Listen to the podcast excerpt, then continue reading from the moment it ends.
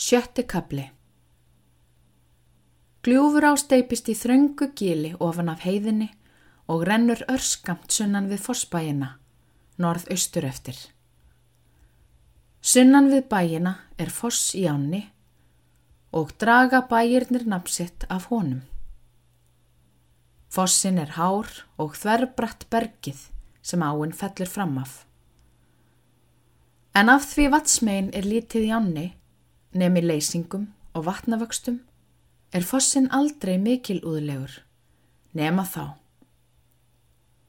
En á vorin, þegar hlákur hafa gengið, er líka sjón að sjá. Það er afl og þrek í honum þá, þegar hann hendir ísjökunum fram af brúninni, mólar þá í leiðinni og niðri í kvítfreytri yðunni, ringsnýr mölinni sogar hana niður og spýtrin er svo upp aftur. Veltir svo öllu að lokum fram í ströymröstina. Þeitir með nið og glaum, norðaustur gilið, niður á eirar, austur í breyðá sem kemur sunnan örafi, framann úr jöklum. Einstökur ram eldur jaki sem er þróttugri en fjöldin, smámólast ekki skiptist aðeins í nokkra hluta.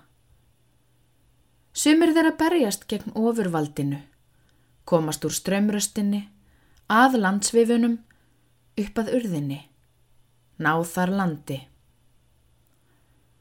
En áinn þværð á og eyðir, og rakin í gilinu og suttin leggjast á eitt að slíta þeim upp, láta þá hverfa. Á endanum skilar kljúfur á öllum ís austur í breyðá. Hún hefur aflið og valdið. Baráttan fyrir tilveru jakana verður að lúta.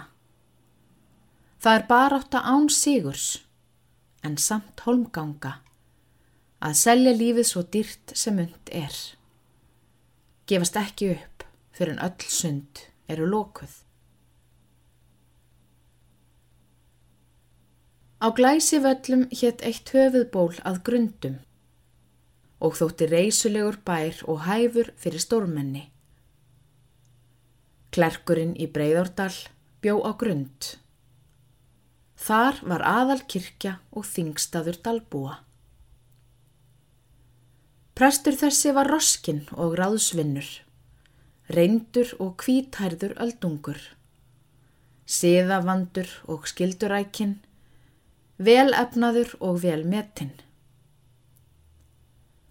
Hann var svo gamall að hann gati ekki skilið æskuna, nýja kröfur æskumannana til lífsins. Fannst þar óstýrilátar og heimskulegar, allt dáðlösari og staðminni en fyrrum var. En þetta var meir auðkenni manns og aldurs en þess að hann var klerkur. Því gömlu bændurnir og gömlu húsfreyjurnar höfðu engu óstrangari skoðun á æsku órum og framkvæmdum unglingarna. Piparsveinar og meðkerlingar voru samt orðflest. Þeirra dómar strangastir og vissastir með óskeikul sannindi og réttmæti. Það bar mest á þeirri skoðun sér að Jóstins að því hann var prestur og að því hann hafði mest völd og mesta virðingu af öllum í breyðardal. Þótt undarlegt með þykja var því líkast sem gróa á efrafossi hefði yngst upp við að taka á hrífunni og íta heimað hlöðinni nokkrum ítum. Það var eins og hún fyndi enþá þörf til að lifa lífinu fyrir sjálfa sig og ekki aðeins fyrir börnin. Hún fór aftur að búast betur, bæði þegar hún fór eitthvað og að engu síður heima hjá sér. Hún var lettari í spori og fjölskeppnari. Vildi engum auka alla heimiliskleiði, láta lesa sögur á kvöldin eða hveða rýmur. En svo skemmtun var ekki svo auð fengin. Góðir kvæðamenn fengust varla. Gróa var mjög gefin fyrir spil og til þess vildi hún verja sunnudagskvöldunum. Brandur hafði líka gaman af spilum. Engum þegar hann var sestur niður við þau.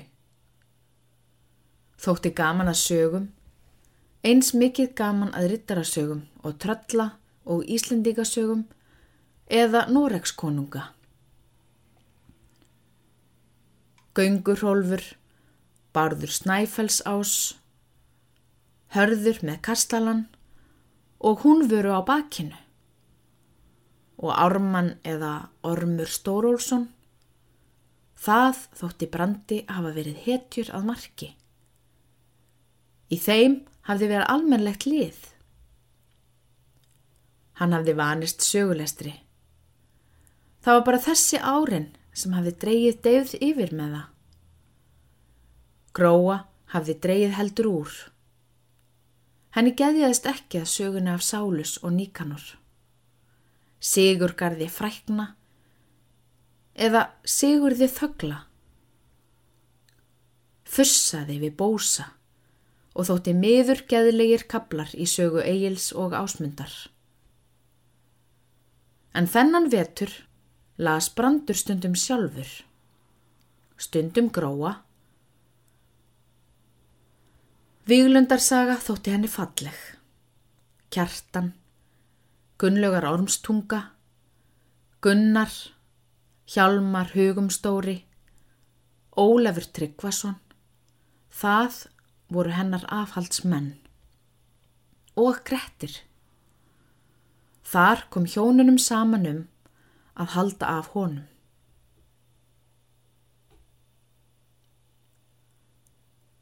En það bar líka nokkru sinnum við að geirmundur var þar á kvöldin og las sögur.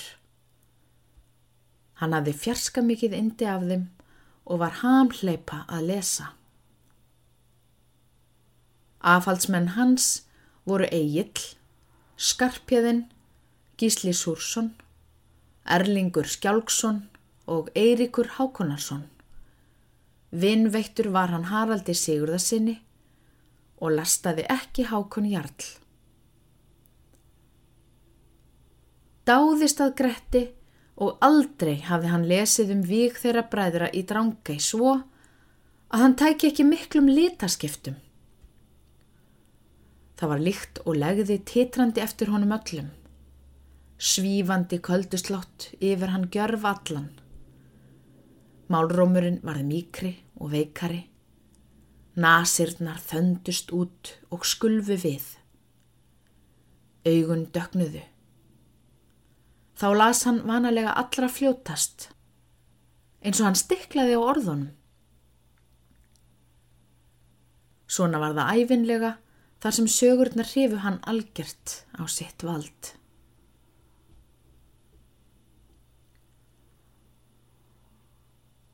Grói þótti germyndur skemmtilegur lesari. Óefað virtist henni að hann berast nóturleik og gleði brað af öllum öðrum karlmennum þar í nágrenninu. Hún hafði gleði af að tala við hann, að þau spauguðu saman. Henni var ljúft að veita honum, hann átti það sannarlega skilið fyrir að vekja heimilið til meira lífs en áður var.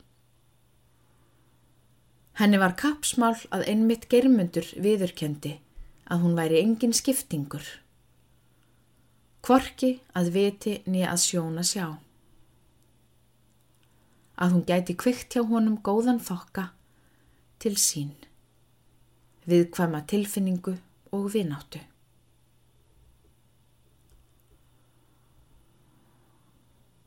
Það var heldur breytingalítið líf á neðrafossi og germundi þótti döflegt þar heima. Hafði gaman af að bregða sér upp að fossi og dvelja þar yfir kvöldvökunna. Annaðkort hlýða á lestur eða lesa sjálfur. Hann var samt vanur að fara heim áður en húslesturinn var lesin. Honum þótti þeir ekki neitt sérlega skemmtilegir og hann var ekki mjög sári yfir því þó hann misti eitthvað af húslestrinum heima líka.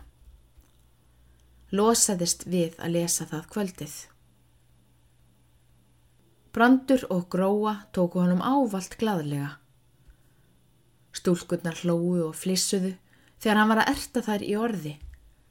Strjúka eftir bakin á þeim, grípa um mittið eða tala um hvað ljómandi fallegar hárfletturnar væru. Hann hafði það eins við þar allar, stúlkurnar þar. Nema gróu. En hann hafði samt mest gaman af að tala við hanna. Og hennar harflettur voru líka langmestar og fagrastar.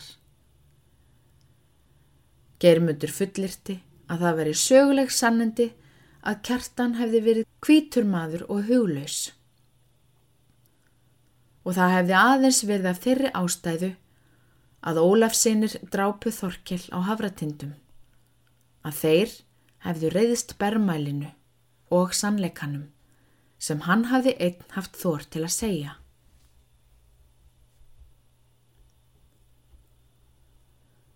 Það var nú Karl í krapinu, hann Þorkell heitinn. Ég man svo vel eftir honum. Og germundur brá grönum. Strauk með þaumalfingri og vísifingri hægri handar efri var að skekkið og leitt til grói. Þetta er allt jafn satt að þú munir eftir þorkili og að kjartan væri huglaus. Þú öfundar hann bara vinseldinni. Ekki varð hún honum þó að bana, eitthvað varð annað. Það verða æfirlega einhverjir þorpararnir til að ræja og spilla og vega skammarvík. Hvað hann var vígamannlegur þegar hann dreytti laugamenn inni. Hafði hann ekki 60 menn með sér? Mér minnir það halvpartin. Þeim var það rétt mátuleg skömm þjófunum þar. Það sannaðist aldrei. Hrefna hefur bara glópra niður mótrinum, það er kvenna siður og hitt með sverðið, þá varð það blátt áfram líi úr án kvíta. Lignari mann hef ég aldrei þekkt. Svo hlóðu bæði og gróðu síndust augu germundar hlæja líka. En germundi virtist sama um hennar augu. Eitt kvöld í skamdeginu var verið að lesa sögu Gísla Súrssonar. Brandur hafði lesið um tíma en nú bað hann germund að taka við. Hann byrjaði þar sem þeir bræður Þorkell og Gísli áttu tal saman, hinsta sinni. Las svo áfram. Hann las atbyrðin um vík Gísla, fyrst nokkuð hart, svo fór hann að stikla á orðunum. Málrómurinn varð veikari, röttin titraði við. Svona las hann kapitulan á enda. Þá var þögn. Geirmundi varði liti til gróu sem satt gagvartónum og þó ekki mjög nærri. Hún horfi á hann og svona störðu þau bæði um stund. Blóðið færðist í kinnarnar. Geirmundur fór aftur að lesa dreirrauður með sama flíti og sama málrum þar sem eftir var af sögunni.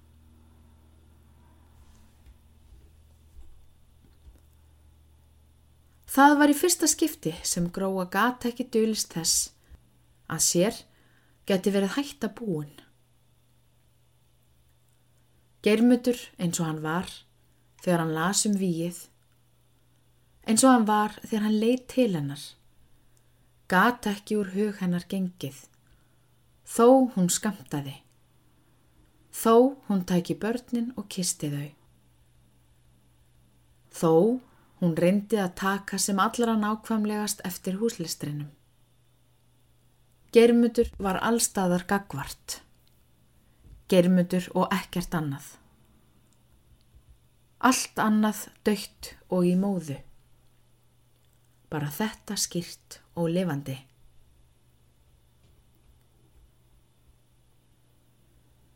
Þegar Germundur kom heim, hjælt hann að Þórun geti lesið lesturinn. Hann ætlaði snemma á fætur í fyrramálið og þyrti að fara að sofa. En þó hann háttaði, gatt hann samt ekki sopnað. Honu kom ekki dúr á auga, lengst fram eftir nóttu. Það var ekki sagan, ekki Gísli Súrsson sem held vöku fyrir honum. Heldur var það hún gróa eins og hún hafði starað á hann. Gróa, konan hans brands á fossi. Það lagði sting fyrir brjóstið. Blóðið streymdi eirðarlöst, það suðaði fyrir eironum. Engin hjálp frá því, nema ef hann geti sopnað og jafnað sig. Þessi tími hafði þó verið svo lifandi og skemmtilegur. Fyrir hvað? Nú sá hann það. Það var bara gróa sem gleðin var bundin við. Þetta varð að lagast. Byrgjaða niðri, láta engan sjá eða vita, hann hlaut að geta það. Karlmaðurinn. Hvaða þróttur var það sem ekki sigraði þessa ástriðu?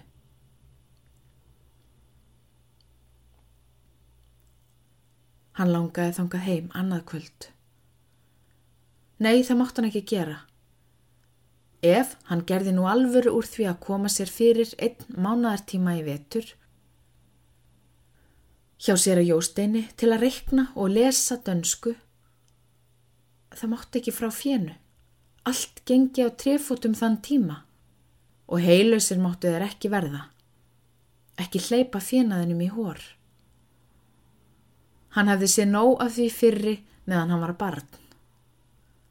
Brjóta þvert um. Gungulagt að flýja annað eins. Löðurmennska að hopa á hæl. Einu sinni hafði hann orði skotinn. Döð skotinn að hann hjælt. En svo leið það frá eftir nokkuð tíma. Fyrirhafna lítið. Einskatt farið enn. en fremur var það sennilegt að gróu hefði aldrei þótt væntum brand. Aldrei elskaðan. Honu var stundar fró að því. Svona var hann, yllur, ungur og þó þetta spiltur. Svo ógæfa að fella hug til annars manns konu. Glæpur, vist var það ógæfa en vonandi að hann sjálfur og tíminn lagfærði þetta. Germundur kom ekki upp að Efrafossi í þrjár vikur, en eitt sunnudaskvöld í húminu kom steini litli ofan af efstu húsunum til hans og bað hann að spila við sig í kvöld. Germundur hafði dálætti á drengnum og fekk sig ekki til að neyta honum en það taldi sér það enga hættu, nú væri hann viðbúin. Fyrst spilaði hann blindtrú og svartapétur, svo kom brandur og þá var farið að spila vist. Jón, vinnumadur og brandur, gróa og germundur. Brandur var ákaflega kappgjarn í spilum og þetta kvöld grættu þeir. Geirmundur spilaði ekki nákvæmlega. Sló af sér oftar en einu sinni. Grand, saði Geirmundur, en Jón átti útslottin og strókaði með tíu löfspil í röð. Half slem og brandur stokkaði spilin hlægandi. Gróa leið til Geirmundar líkt og hún væri half gröm. Geirmundur horfi á móti og augun sættust. Svo fór gróa að fletta spilunum. Þau heldu áfram að spila fram að vökulokkum. Þegar Geirmundur fór, bauð gróa honum að drekka mjölk. Geirmundur gekk inn í búrið og drakk. Þakkaði og kvatti með handabandi. Augun mættust Hendurna skulfu og skildu. Bæði voru litverp. Gróarauð og germundur hvít fölur. Eftir þetta varð germundi tíðförulla að efra fossi.